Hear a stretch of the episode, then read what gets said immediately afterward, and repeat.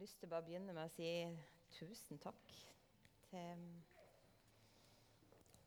til lovsangeren som leder oss inn i Guds nærvær. Altså er, er, er det mye klang her? Går det greit? Nei? Det er bare meg som hører det.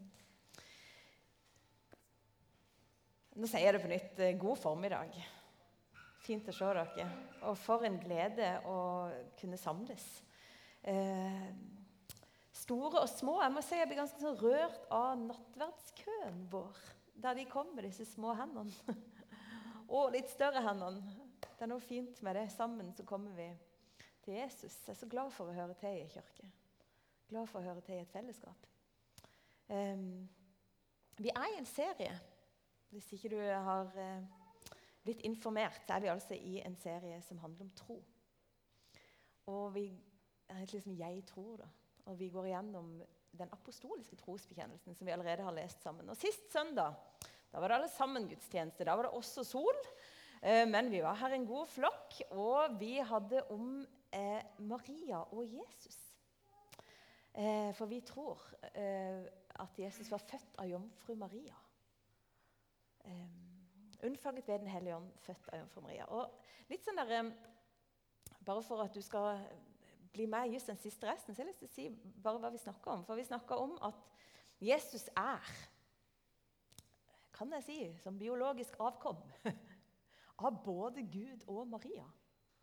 Derfor er han også fullt ut Gud og menneske. Fullt ut menneske. Han kom til verden ved Guds ånd, og i fattige lille Maria så blir Jesus merkbar. Og det blir han allerede mens han bare er vet ikke om det kalles et embryo. altså det er i knøtt i magen. Så går Maria til Elisabeth, sin kusine som var altfor gammel til å få barn, men som likevel hadde sett Guds under. Og så skal hun dele det bitte lille hun har. Da skjer det jo noe med alle generasjonene som er der. Både med Johannes, som er i magen til Elisabeth. Han begynner å sprelle. Elisabeth begynner å lovprise Gud. Og Maria sjøl, som deler det lille hun har. Hun tilber Herren og ser kanskje enda mer hvem han er. Han er han som ser henne i sin fattigdom, og som gir henne et oppreist liv og en ære.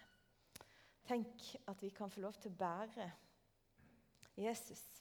Jeg tenker at Det minner oss om at uansett hvor lite Jesus du kjenner på at du driver og får til å bære på, eller hvor, hvordan troa de ser ut, midt i vår fattigdom og i våre enkle eller kompliserte liv, alt etter som du ser det, så skjer det noe når vi deler det vi har. I dag skal vi ta for oss en stor bit av trosbekjennelsen. Og Vi skal hoppe et ganske langt stykke sånn historisk sett fra Jesus som embryo i magen og til korset. For i dag skal vi altså se på korsfestelsen. På døden, på oppstandelsen. Vi leser i trosbekjennelsen at Jesus blir pint under Pontius Pilatus, korsfestet, død og begravet. For ned til dødsriket, sto opp fra de døde tredje dag og skal derfor komme hjem for å dømme levende og døde. Og bare så du vet det, Jeg klarte ikke å gå forbi Pontius Pilatus. Det kommer du til å merke. Jesus han skapte virkelig bevegelse der hvor han gikk. Det var Enten så ble det bevegelse i form av begeistring eller forargelse. og Sånn er det kanskje litt ennå. At Enten så er det begeistring eller forargelse. Det er ikke så veldig mange som er helt likegyldige når de begynner å kikke på Jesus. Han hissa på seg en del, en del av de øvrig, eh, jødiske øvrighetene og lærerne fordi de mente at han hadde påberopt seg å være Guds sted. At han liksom fremsto i Guds rolle. Var det en feil? Det tror ikke vi. Men for jødene var det blasfemi av groveste slag. Og Jesus hadde jo ikke sagt så mye sjøl at han var Messias, men han hadde gjort og sagt en del greier og Kanskje var det som var mest oppskakende for jødiske lærere, det var at han hadde tilgitt mennesket de sine synder. For det var det bare Gud som kunne gjøre. Og Hvis det var noe jødene visste, så var det at tilgivelse det kom ikke lettkjøpt. Og likevel så tilbyr Jesus tilgivelse til en rekke mennesker. Mennesker som er grepet i hor, eller porneia, som det står. Der får vi ordet porno ifra. God søndag. Prostituerte, syndere av ulike slag som vi ikke helt er nevnt. Spottere, mennesker som er rota med penger. Mennesker som har utnytta andre. Mennesker som ikke har vist Gud ære med livene sine. Jesus kommer, og så tilbyr han dem tilgivelse fra Gud. Vi skjønner jo ikke hvor stort tema dette var for jødene, kanskje. Kanskje for vi er oppvokst i noe annet. Men Guds tilgivelse var ikke den selvfølgen for de som det kanskje har blitt for oss av og til. En gang i året så var det muligheten så er liksom muligheten for å forsones med Gud. Og faktisk så passer det inn i dagene vi er i nå. Akkurat nå, i høsten 2022. Den 25. september så starter altså Rosh Hashama, som er jødenes nyttårsfeiring. Dette Nå er det nytt år for dem. Begynte 25. september. Happy New Year. Sånn er det for dem. At de regner, og de regner ut ifra bibelsk, eh, sånn som de regner seg tilbake med slektslederne. Tilbake til, eh, til begynnelsen i Mosebøkene. Det er måten de regner på. Det kan vi være enige eller uenige i. I hvert fall så er det en stor tid for dem. Og, ser, eh, og det er en veldig viktig tid, for da handler det om at de ønsker å få Guds velsignelse inn i det året som kommer. Og Derfor har de eple og honning, og det spiser de som en slags bønn til Gud. Fordi at de ønsker at hans sweetness, at den sødmen fra himmelen, skal være over livene sine. Og så ser du at det er et bukkehorn, og det er fordi at dette er en tid hvor de blåser i bukkehornet. Skal vi snart komme tilbake til. Når det er Rosh Hashana, når nyttår er, da begynner de en ti dagers, et ti dagers rituale. Hvor de eh, driver rett og slett med bot og bedring. De gjør regnskap, om du vil, for livet sitt. For hvem de har såra, hva galt de har gjort, har de, hvordan har de krenka Gud? Hvordan har de krenka mennesker? Hvordan har de krenka seg sjøl? Og så Før de regnskap så går de og forsoner seg med alle de kan. Og de ber bønner. Og de går virkelig inn i seg sjøl i denne tida. Ifølge jødisk tradisjon så innskriver Gud hver, hver, persons skjebne for det kommende året i en bok, som de kaller for Livets bok. Rosh og Hashana handler om å gjøre seg klar. Og bot og bedring. Og så venter de til Jom Kippur for å forsegle dommen. Og Jom Kippur det er den helligste dagen i det jødiske året. Det blir fortsatt feira. Da er det knust i Israel blant jødene. Og Da er det ingen radio eller TV som skal på. Da fastes de fra klokka fire på morgenen. Og i 26 timer så spiser drikker de ingenting. Det er, hellig, den helligste dagen. Jom kippur er nemlig forsoningsdagen. Og det er den dagen hvor det i bibelsk tid, i den tida som vi kjenner til, som jo er veldig forskjellig Men da ble det ofra på en spesiell måte etter den skikken som Aron, som var Israels første øverste prest, hadde fått beskjed fra Gud om å gjøre mens de var i ørkenen. Og Ritualet det involverte to feilfrie geitebukker. og En av dem ble ofra til Herren på et alter. Og den andre ble ofra som et tegn for folket. Han ble kalt for syndebukk. Scapegoat på engelsk. Der har vi det ordet ifra. På denne bukken la øverstepresten hånda si. Og så leste han opp. Han var vel den som snakka den dagen. For et alvor det må ha vært idet han leser opp hele folket sine synder. Alt. Alt de har forbrutt seg. Alle måtene de har krenka Jeg syns Den norske kirke har noe nydelig. å si. tilgi oss, vi har krenka deg, Gud, med tanke, ord og gjerninger. Måten de har krenka hverandre på. Måten de har krenka seg sjøl på. Så leses det over bukken sitt liv nei, sin, sitt hode. Og så blir denne bukken leda ut i ødemarken for å forsvinne og dø. Han skulle forsvinne, han skulle så langt bort at de aldri kunne se han igjen. Det er langt. Det var et oppdrag han fikk, den som skulle lede den bukken. Og Dette er det på en måte David beskriver i salmen. Så langt som østen er fra vesten, er de langt fra meg, disse syndene. Hvis jeg ser det ikke mer Vi sang det når vi var små. Kanskje en litt gammel barne, barnesang. Og vi skal rett inn i det dramaet som utspiller seg på langfredag. Skjærtorsdag over, Jesus er tatt til fange, og disiplene, vennene hans, er spredd over byen. Og jeg skal bare ta for meg noen få mennesker, men jeg, det er en som jeg alltid syns så synd på, nemlig Judas. Det bildet av disiplene her de er tatt fra The Chosen. Den anbefaler jeg å se. En serie om Jesu liv. Jeg har alltid syntes synd på Judas som tok et så forferdelig valg. Han som, det er jo mange spekulasjoner. Vi kan bare spekulere om hvorfor gjorde han det han gjorde. Hvorfor solgte han Jesus unna for 30 sølvpenger? Var det det at han hadde hatt så store forventninger til hvem Jesus skulle være? Og så så det annerledes ut? Var han skuffa? Det kan drive oss til det villeste, det. Skuffelsen. Å være misfornøyd med sånn som det er blitt kan føre oss inn i elendighet. Når livet er blitt skuffende. Eller var det det at han faktisk hadde et behov for penger? Han hadde et konkret behov som Jesus kanskje ikke hadde møtt på den måten som han ville. Var det behovet som drev ham? Kanskje var det det at han bare var så døla misfornøyd med livet. Eller kanskje var det bare det at behovet det bare ble for stort. Men så ender han opp med å svikte Jesus. Han får det jo helt forferdelig det øyeblikket når Judas ser sitt eget svik.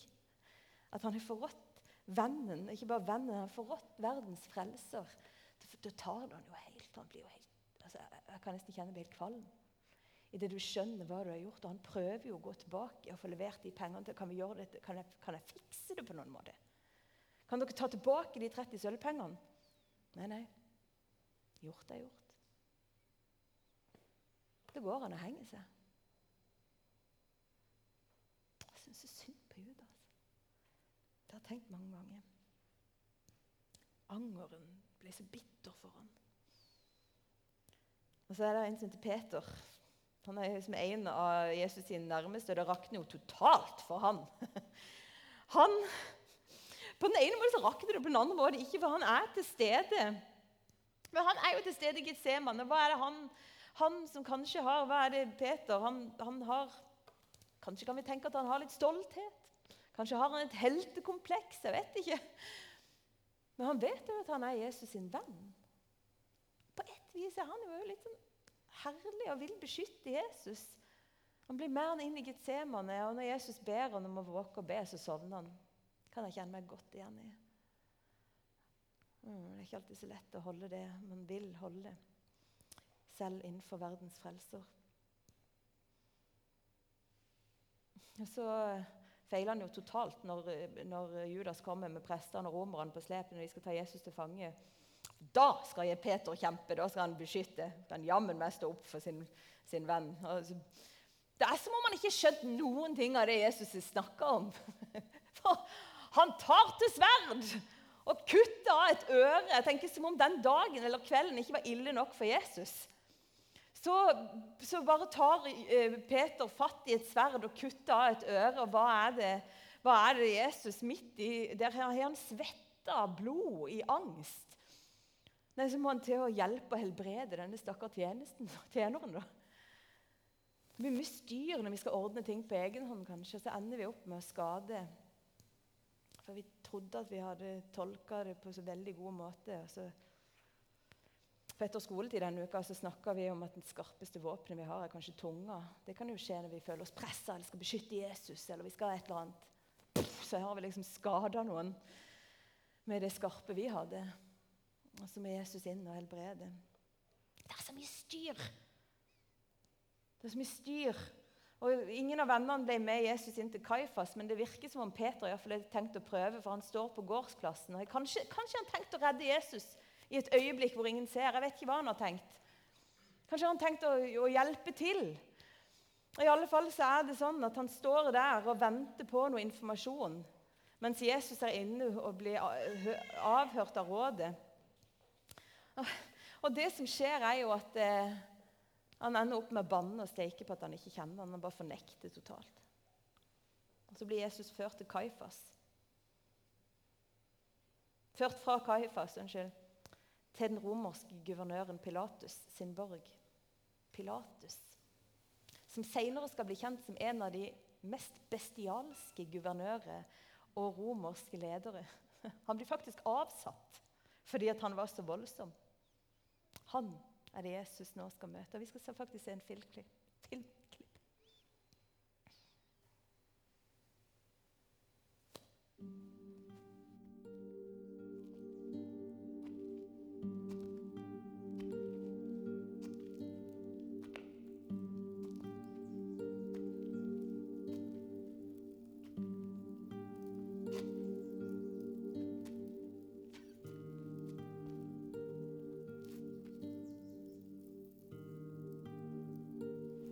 Art thou uh, the king of the Jews?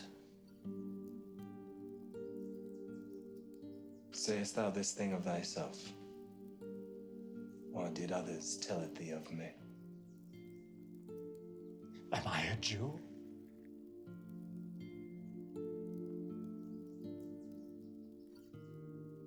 Thine own nation and the chief priests have delivered thee unto me.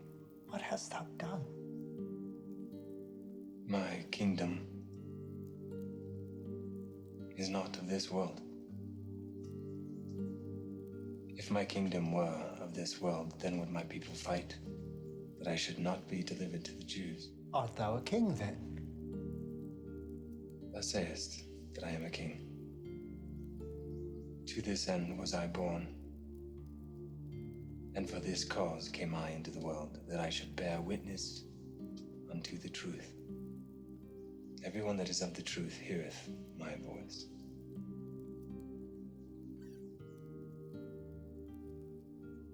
What is truth? Ye have brought this man unto me as one that per Det var noen med tekst, for å beklage det, men Jesus møter Pilatus, og Pilatus møter Jesus. Er du jødenes konge? Hvorfor vil de ta livet av deg? Og Jesus sier, 'Mitt kongerike er ikke denne verden.' Jeg kom for å bringe sannhet.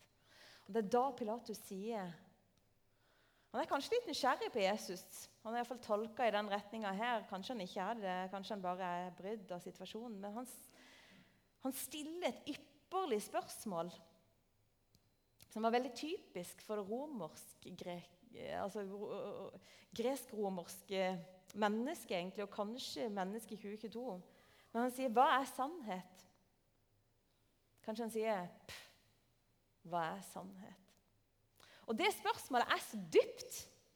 Og Likevel er det kanskje akkurat det spørsmålet som er med på å gjøre at Pontus Pilatus kanskje til slutt, idet han står med Jesus sitt liv i sine hender Kanskje er det spørsmålet som gjør at han klarer å gi slipp på Jesus. Overlate han til døden og til den skjebnen som ligger foran. For hva er sannhet? Når sannheten er relativ eller kan være så mangt, hva er det da som er viktig? Og Først så gjør Pilatus det egentlig tydelig for jødene at han finner at Jesus ikke er skyldig. Jeg finner ingen skyld hos denne mannen, sier han. Men dere har den skikken at jeg gir en fange fri i påska. Oi, unnskyld. Vil dere at jeg skal frigi jødenes konge? Og Da ropte de ikke han, men Barabas. Og Barabas var jo en røver. Og mens han sitter på dommersetet, så kom altså Hater når det skjer. Da kom en beskjed fra kona. Da kom en beskjed fra kona, fra hustruen, til Pilatus, og hun sier, har ikke noe med denne rettferdige mannen å gjøre.' 'Jeg har drømt så vondt i natt for hans skyld.' Han må jo ha blitt litt stressa, Pilatus. Men han tok ikke så veldig lett på drømmer den gangen. I Bibelen kan vi se at Gud ofte taler i drømmer. Det må ha stressa han. Og Han må ha blitt overraska når de heller ville ha Barabas fri. Det er som om Pilatus, akkurat som Judas og Peter, han prøver på en måte å redde Jesus. Han tar liksom Nei, ta den elendige sant? Selvfølgelig vil dere at Jesus skal slippe fri. Barabas vil dere jo at skal dø. Det er akkurat som han vil redde ham. Han prøver å redde Jesus, og det skulle han kanskje ikke ha gjort. For I Johannes kan vi lese at i et siste forsøk på en måte for å redde Jesus, så lar Pilatus Jesus bli piska. Og vi snakker ikke bare sånne forsiktige slag. Vi snakker om hudfletting. Ryggen til Jesus blir flerra opp, så man kan se ja, De som har peiling på det, sier at du kan antagelig se rett inn til innvollene, for beina er bare Han blir mishandla. Jesus blir slått. Til slutt så blir det pressa i tornekrone. Sånne torner. Nedover hodet på ham. Så kles han ut som en klovn. Så fører Pilatus ham fram, og jeg tipper at Pilatus er ganske sikker på at nå er det nok. Se det mennesket, sier han. Se det mennesket. Det er han som senere skal bli avsatt fordi han er så bestialsk. Nå appellerer han til jødene sin medlidenhet. Se på han! Må vi ikke stoppe nå? Har han ikke opplevd nok, men de er i harnisk, og de sier 'korsfest'. Korsfest. Og nå er Pontius Pilatus stressa. Han tar Jesus inn i borgen igjen, står det. Og, og han er bare sånn 'Jesus, hvor er du fra?' Svar meg! Vet du ikke at jeg kan bestemme om du skal leve eller dø? Vet du ikke at jeg kan sette deg fri? Og da svarer jo Jesus, du hadde ikke hatt noen makt over meg hvis ikke det var gitt deg fra oven. Og da vil Pilatus sette han fri, står det. Han skjønner, kanskje aner, at det har med Gud å gjøre. I hvert fall noe som har med det himmelske å gjøre. Men det er da de jødiske lederne setter inn trumfkortet. For de roper til ham. Gir du han fri, da er du ikke keiserens venn. Den som gjør seg sjøl til konge, setter seg opp imot keiseren. Det treffer, vet du. Det treffer midt i. Det er et nådestøt mot Pontius Pilatus. For det treffer han midt i forfengeligheten. Det treffer han midt i behovet for å beskytte ryktet sitt. Det treffer han i karrierejaget. Det treffer han i komforten. Det treffer han i luksusen, i feriedagene. Det treffer han midt i pengeboka. Pilatus står nå virkelig på valg. Og han innser at å velge Jesus sitt liv, det kommer til å ha betydning for hans sitt liv. Hvis han skal velge Jesus sitt liv nå, da må han gi avkall på noe. Og det er da jeg føler det kommer sånn snikende ekkoet hva er sannhet? Er dette egentlig så viktig? Hva er det som er så viktig? Er denne mannen Jesus fra Nasaret viktig nok til at han skal kaste bort sitt komfortable liv for at han skal leve? Når jeg leste det, så var det som et ekko fra første Mosebok. Har Gud virkelig sagt? Har Gud virkelig sagt? At Hvis Pontus Pilatus bare hadde visst hvem det var som sto foran ham, Men han gir seg. Han lar de ta med Jesus til korset. Men han vil ikke ta på seg skylda. Nei, det har han ikke tenkt. Så han får funnet fram noe vann. Han kanskje såpe, ikke vet jeg. Han vasker hendene og sier han, jeg er uskyldig i denne mannen sitt blod. Det er bare at Det fins ikke vann og såpe nok i denne verden til å vaske bort det som Pilatus har gjort. Han som ble sittende fast i spørsmål som han trodde at han skjønte kompleksiteten av. Hva er sannhet? Han velger, fra, velger sin egen komfort framfor Jesu liv. Og det irriterer meg at jeg kan kjenne meg igjen i Pilatus. Det irriterer meg. Jeg tenkte på en sang What can wash away my sin? Nothing but the blood of Jesus. Nytter ikke med vann, vet du, Pilatus nytter ikke. Det er ikke noe karma her. Det er ingenting du kan gjøre. Jesus dør, og du er medskyldig. Jeg tenker pint under Pontus Pilatus og pint under min selviskhet, min unnlatenhet. Nå føres Jesus til Golgata. Han spigres med nagler til korset, og der henger han. Og Korset er et resultat av alt. Det er summen av porneiaen, av misbruket, av pengebegjæret, av sviket, all synden, av fornektelsen, sviket, unnlatelsen. Men det er òg Jesus sitt valg, for det var aldri verken Judas, Peter eller Pilatus som kunne redde Jesus. De kan prøve å være så revolusjonære de bare vil, men det er fars hjerte som strekker seg her, helt ned til døden. Fordi han elsker hvert eneste menneske. Og Ved siden av ham er det to røvere. Hva har de gjort? Er de drept? Er de begått overgrep? Er de plyndra? Når en av de sier, 'Jesus, tenk på meg når du kommer til ditt rike'. Han hadde ikke tid til å bedrive ti dager med bot og bedring. Men sannelig, sier Jesus til ham, i dag skal du bli med meg til paradis. Og Vi kan lese at det blir mørkt. Det er midt på dagen. Og det er som om hele skaperverket reagerer på det som skjer. Det er som om naturen bekrefter hvilke mørke som nå øses over Jesus. Midt på dagen blir det mørkt.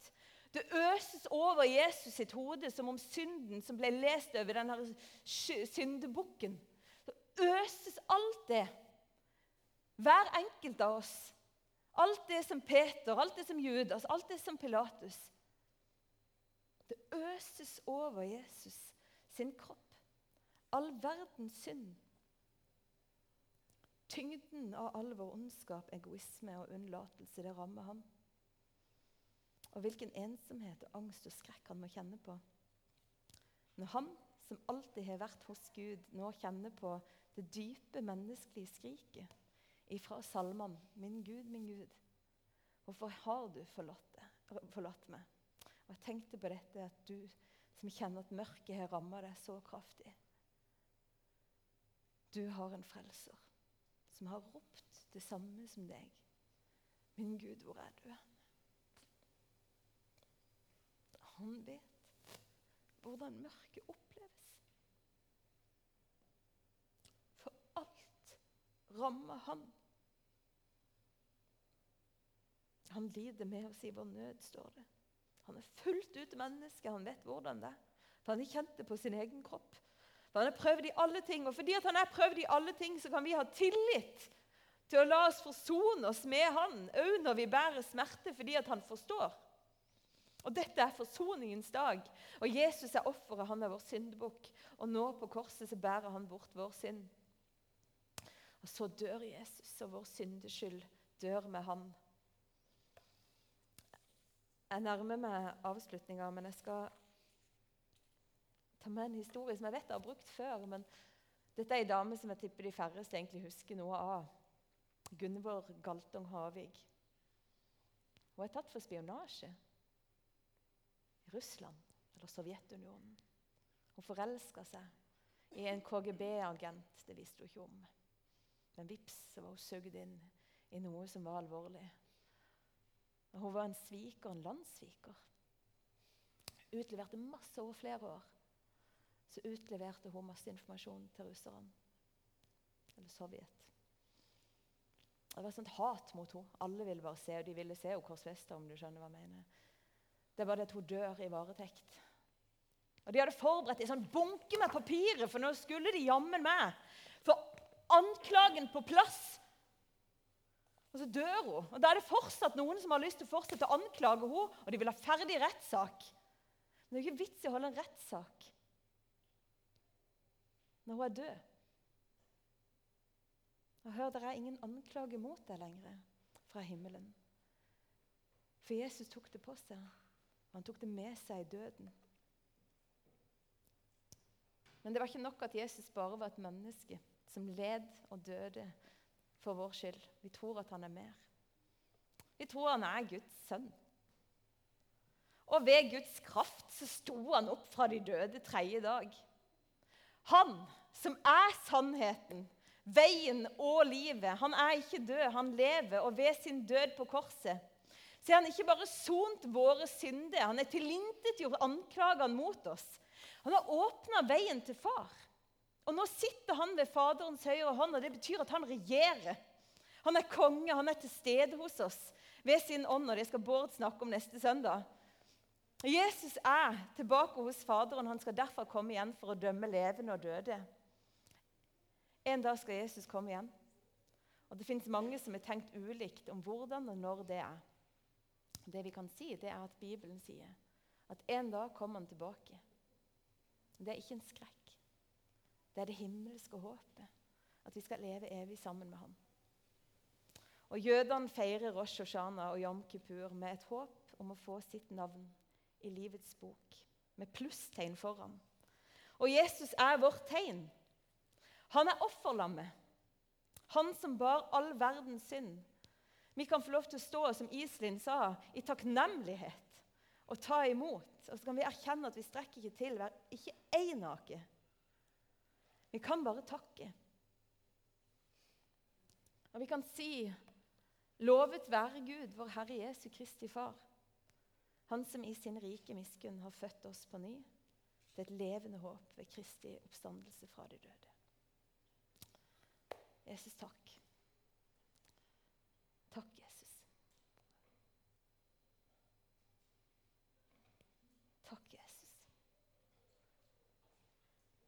for at du tok vår byrde, Herre. At du tåler vår synd. At du har gjort opp med det, Jesus. Takk at vi får lov til å leve evig, Herre, fordi at du har sont. Og takk, Herre, for det var ikke anklagen som drev det, Herre. Det var kjærlighet.